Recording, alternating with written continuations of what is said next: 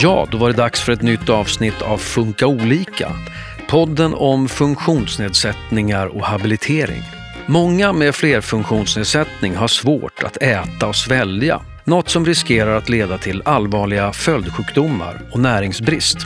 I dagens avsnitt lär vi oss mer om dysfagi som det också kallas och går igenom allt från symptomen till vilken hjälp det finns att få. Personen dreglar, det är mycket saliv som åker ut, mm. man får lunginflammationer. Patienterna kanske hostar mycket eller har mycket slem eller verkar dåliga. Det var lite av innehållet i detta avsnitt av Funka olika som idag alltså handlar om ät och sväljsvårigheter. Jag heter Åsa Melin Mandre och i studion har jag sällskap av Katarina Warming. Hon är logoped och enhetschef för motorik och träningscenter inom habilitering och hälsa. Hej Katarina! Hej hej! Du är också expert på ät och sväljsvårigheter. Ja, man får kalla sig expert, men jag har jobbat väldigt länge med ät och sväljsvårigheter. Vi har även sällskap av Helena Bergqvist, sjukgymnast och del av andningsteamet på Motorik och träningscenter. Hej! Hej! Du är expert på andning om jag har förstått rätt? Ja, andning är lite ett specialintresse. Men andning och äta och svälja, det ligger nära varandra? Det ja. ligger nära varandra. Mm. Yes. Jag tänkte börja med att dra lite bakgrund, Katarina. Mm. Om just eh, ät och sväljsvårigheter eller dysfagi som vi kanske kommer referera till för det är lite lättare att säga trots att det är ett ovanligare ord. Vad är det för något? Det är ju eh, allting egentligen, både i munnen och i svalget som gör att det är svårt att få ner mat till matstrupen.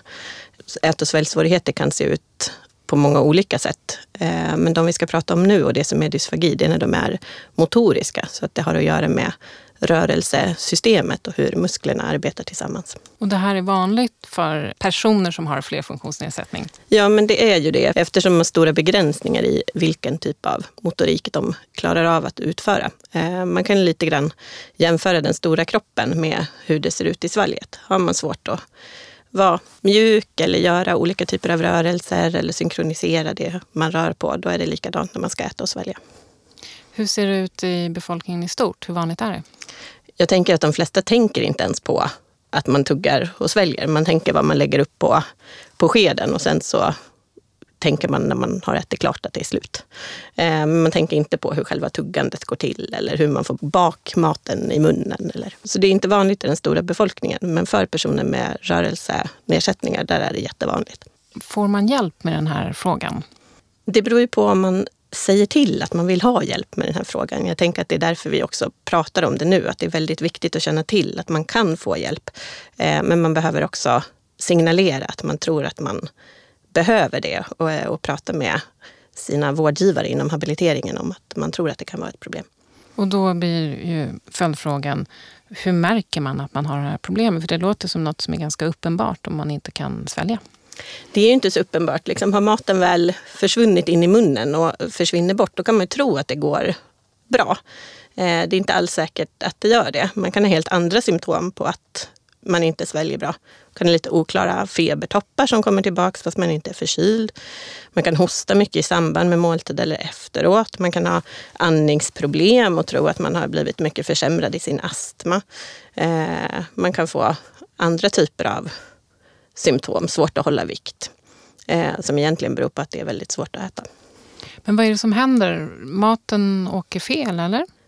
Det kan vara så att det tar väldigt lång tid att äta så man inte får i sig tillräckligt. Men det kan också vara så att man sväljer och en del av maten hamnar i magsäcken och en del hamnar i lungorna. Vad leder det till? Det kan ju leda till lite allt möjligt och det som är lite klurigt är att det kanske inte händer något direkt. Det kan vara så att man får lite, lite mat i lungan. Så märks det inte så mycket. Eh, eller man kan se på personen att den mår oklart dåligt, men det är svårt att förstå varför.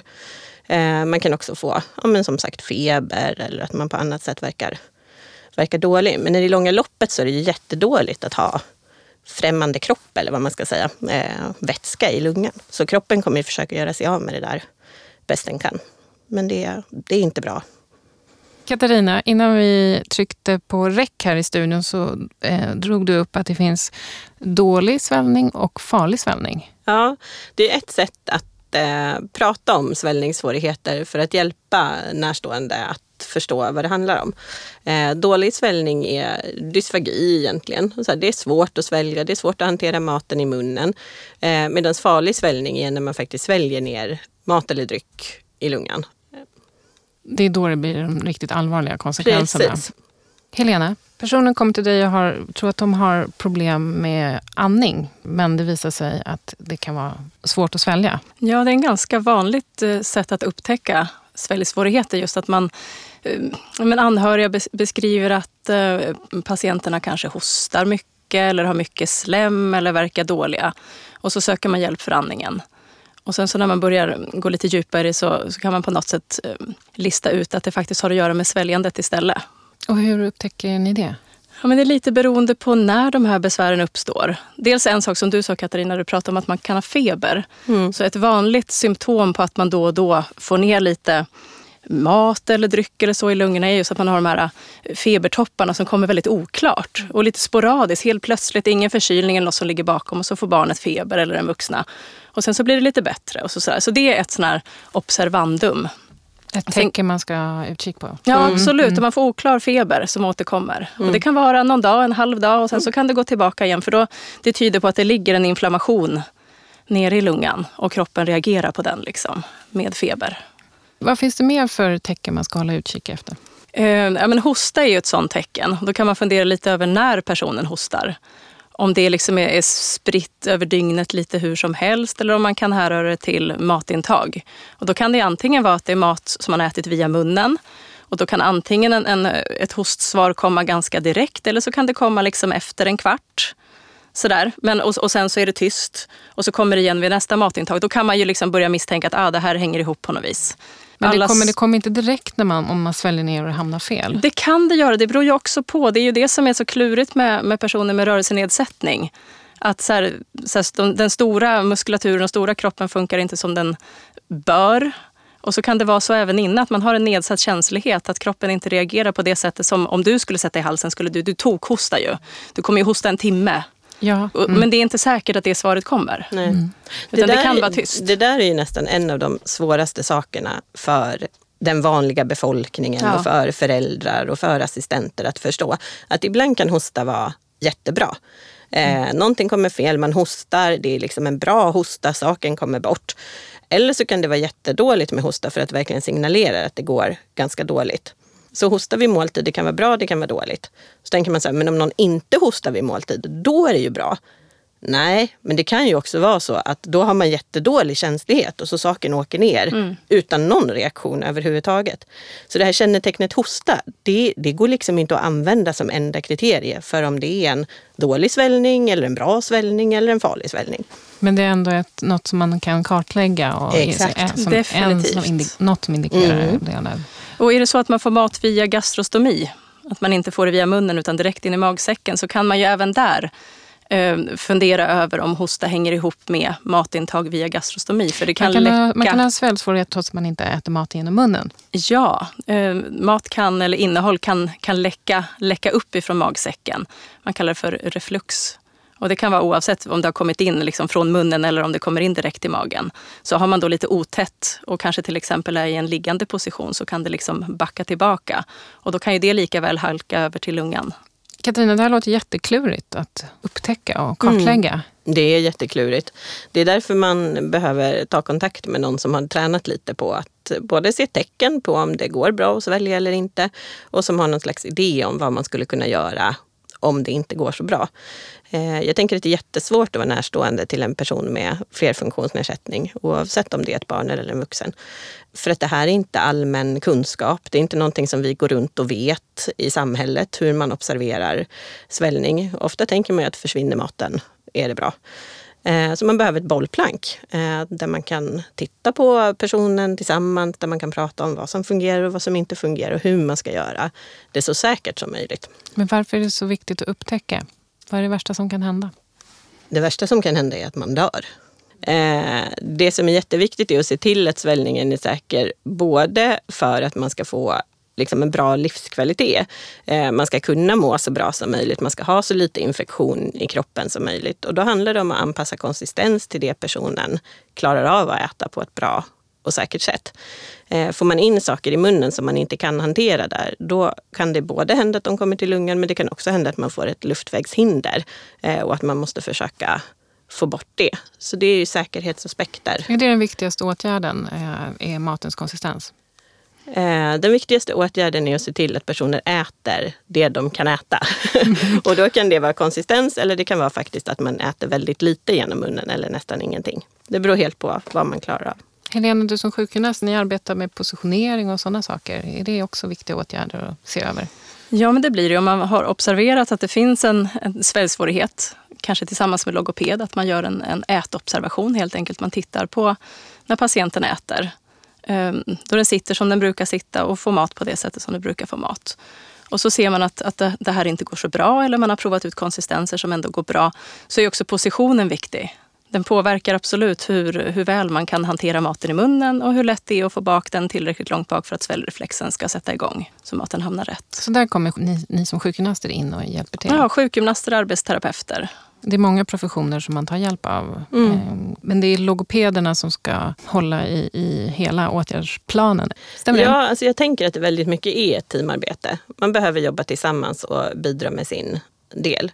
Sen när det kommer till är svällningen dålig eller farlig, det är upp till logopeden att fatta beslut. Göra bedömningen där. Ja, mm. Eh, sen kan det vara så att logopeder som jobbar i habiliteringen inte fullt ut kan göra den bedömningen eftersom vi inte har röntgensyn. Vidare. Vad, vad, vad jobbar de logopederna som har röntgensyn? de, de jobbar på sjukhus och har en liten röntgenapparat. Just det. Ja, så att det, det kan faktiskt bli så att man gör någon slags eh, första bedömning och så konstaterar man att jag kan inte bedöma om det här är så farligt eller inte. Och då kan man behöva göra ytterligare undersökningar. Som närstående, vart ska man vända sig om man tror att man har den här problematiken? Jag tänker att man ska ta kontakt med sitt habiliteringscenter. Eh, har man inte en pågående kontakt med en logoped men en väldigt bra kontakt med sin sjukgymnast, då kan man prata med den personen först. Eh, har man kontakt med sin logoped, kanske kring kommunikation, men inte har pratat om ät och sväljsvårigheter, om man har en, en eh, närstående med flerfunktionsnedsättning, då tycker jag att man ska lyfta det själv, även om logopeden inte har frågat hur det går. Det här är så vanligt i den här gruppen eh, personer med fler funktionsnedsättning. Gör ni någon allmän eh, screening av dem för att verkligen kartlägga om de har den här problematiken? Habilitering och hälsa i Stockholm har jobbat under flera år eh, med att både utbilda medarbetare, att ha föreläsningar för närstående och assistenter. Eh, men vi har också arbetat fram ett screeningförfarande där vi ska fråga eh, våra patienter minst årligen hur det går med ät och svälj. Om man har den här problematiken, har man det från man föds eller kan man förvärva det under livet? Mm, det ser olika ut för olika personer. Mm. Eh, vissa har det från sekund ett. Jättesvårt att äta och svälja. Eh, vissa klarar sig ganska bra när de är barn. Eh, vissa får svårigheter när man byter konsistens. Det kanske gick jättebra att äta eh, välling från flaska eller sådär. Men man ska äta puré eller bitar, då går det inte alls bra. Eh, vissa personer klarar sig också genom hela tonåren och det går ganska okej. Okay. Och sen så blir man lite tröttare i kroppen, man orkar inte på samma sätt. Eh, och då blir det svårare. Mm. Så det kan, det kan dyka upp lite måste, nu och då. Det var, måste vara svårt att veta när man ska söka hjälp. Mm, det finns några tecken ändå, tänker mm. jag, som vi har varit inne på. Ska vi repetera dem? Ja, jag tycker mm. just där. Har man oklara febertoppar, eh, får man i samband med måltid väldigt mycket hosta eller tårade ögon eller förändrad ansiktsfärg eller börjar andas på ett annat sätt. Alla de där sakerna är tecken på att personen, trots att det inte syns, hostar jättemycket. Man kan tänka sådär, hur, hur skulle det se ut om jag satte i halsen? Ja, men då skulle jag hosta jättemycket, jag skulle liksom börja flåsa, mina ögon skulle rinna. Allting som man ser som ser ut så, även om det är pyttelitet, det är ett tecken på att det inte mm. går helt bra. Eller om personen visar obehag ja. vid ätande. Mm. Inte vill äta. Vänder sig bort, trycker ifrån. Absolut. Mm. Eh, måltider tar jätte, jättelång tid. Eh, personen dreglar, det är mycket saliv som åker ut. Mm. Eh, man får lunginflammationer eh, återkommande. Eh, man har rester i munnen av mat mm. fast man har ätit klart. Mm. Eh, det finns massor av sådana där små tecken på att det inte fungerar. Ibland är det jättetydligt att en person har svårt att äta och svälja. Och ibland måste man liksom rada upp lite grann. Att mm. så här, wow, det är flera sådana små tecken. Ja. Eh, och så får man, får man titta på det därifrån. Måltider ska inte få ta så lång tid, sa du. Vad är lång tid? Vi brukar säga att mer än en halvtimme ska man inte sitta och äta för att få i sig en full måltid som man behöver. Eh, ofta tar måltider längre tid och ju längre tid man äter desto mer ork tar det att lyckas välja. Eh, så 30 minuter är ett riktvärde. Eh, äter man mycket längre än så, då är det ett observandum. Det mm. låter som man behöver kartlägga måltiderna och vad som händer och lite över tid. Det behöver man göra. Mm. Mm. Men jag tänker att det är ganska vanligt för den här målgruppen att det, att det är komplicerat kring måltider. Mm. Mm, absolut. Så det gäller att vara, liksom, ha det här på näthinnan. Mm. Det gäller att tänka på det och det gäller också att tänka så att man vänjer sig vid väldigt mycket. Eh, umgås man nära med en person som har stora svårigheter, man måste göra jättemycket anpassningar, det tar jätte, jättelång tid. Eh, till slut om jag skulle fråga då så här, hur går det? Då säger man bra. Eh, fast om jag hade frågat en person som inte var erfaren, som inte hade varit med om det, skulle den säga att det här är jätte, jättesvårt. Får knappt i personen mat. Mm. Så det gäller också att liksom fundera på så här, hur mycket har jag vant mig vid att det är jättejobbigt. Jag tänkte på det som du sa där att, att uh, omgivningen gärna kommer säga att det går bra. Mm. Så är det verkligen så. Dels att man vänjer sig och sen att det också finns en väldigt stor vilja i att det ska gå bra med mm. ätandet. Mm. Man vill vi tänker gärna att, att ätandet är liksom någonting som förgyller livet och mm. att det är så viktigt mm. med alla konsistenser och med alla smaker.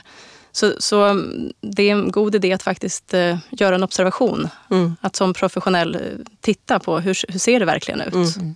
Det där är ju också jätte, jättesvårt för det finns en så stor samhällelig kultur av att när vi samlas så äter vi. Eh, när vi har någonting att fira, då äter vi. Alltså det, det finns jättemånga sociala aspekter mm. av att äta genom munnen. Eh, och för många personer är det faktiskt inte kul, bra, gott och trivsamt att äta genom munnen för det är förenat med mycket smärta och obehag. Mm. Eh, men det är svårt att är svårt att tänka så mm. för oss som njuter av att äta mat. Ja. Finns det saker man kan vidta hemma själv? Jag tycker att man ska ha en person i ryggen som har professionellt ansvar att titta på de här sakerna. Jag tänker att man inte ska hålla på och hitta på konstiga liggställningar eller sittställningar eller så, utan att ha ett bollplank. Man ska söka hjälp om man ser någon av dessa tecken som vi har dragit. Ja, det ska man göra. Eh, och jag tänker att det, det gäller både om man är personlig assistent eller om man är förälder eller om man är en mor och farförälder. Eh, att lyfta frågan i alla fall. Det här, vår person som vi bryr oss mycket om, det ser inte ut som det här funkar jättebra. Ska vi fråga någon? Ta kontakt med habiliteringen och prata med en logoped. Hellre en gång för mycket än en gång för lite. Där tycker jag vi sätter punkt. Bra slutord. Jag säger tack för att ni kom hit idag, logoped Katarina Warming och sjukgymnast Helena Bergqvist. Tack. Tack så mycket. Och tack för att du har lyssnat. Hej då! Du har hört Funka olika, en podd från Habilitering och hälsa i Stockholms läns landsting. Det här var det sista avsnittet på temat flerfunktionsnedsättning. Vi är snart tillbaka med nya avsnitt som kommer att handla om sex. Vi hörs då!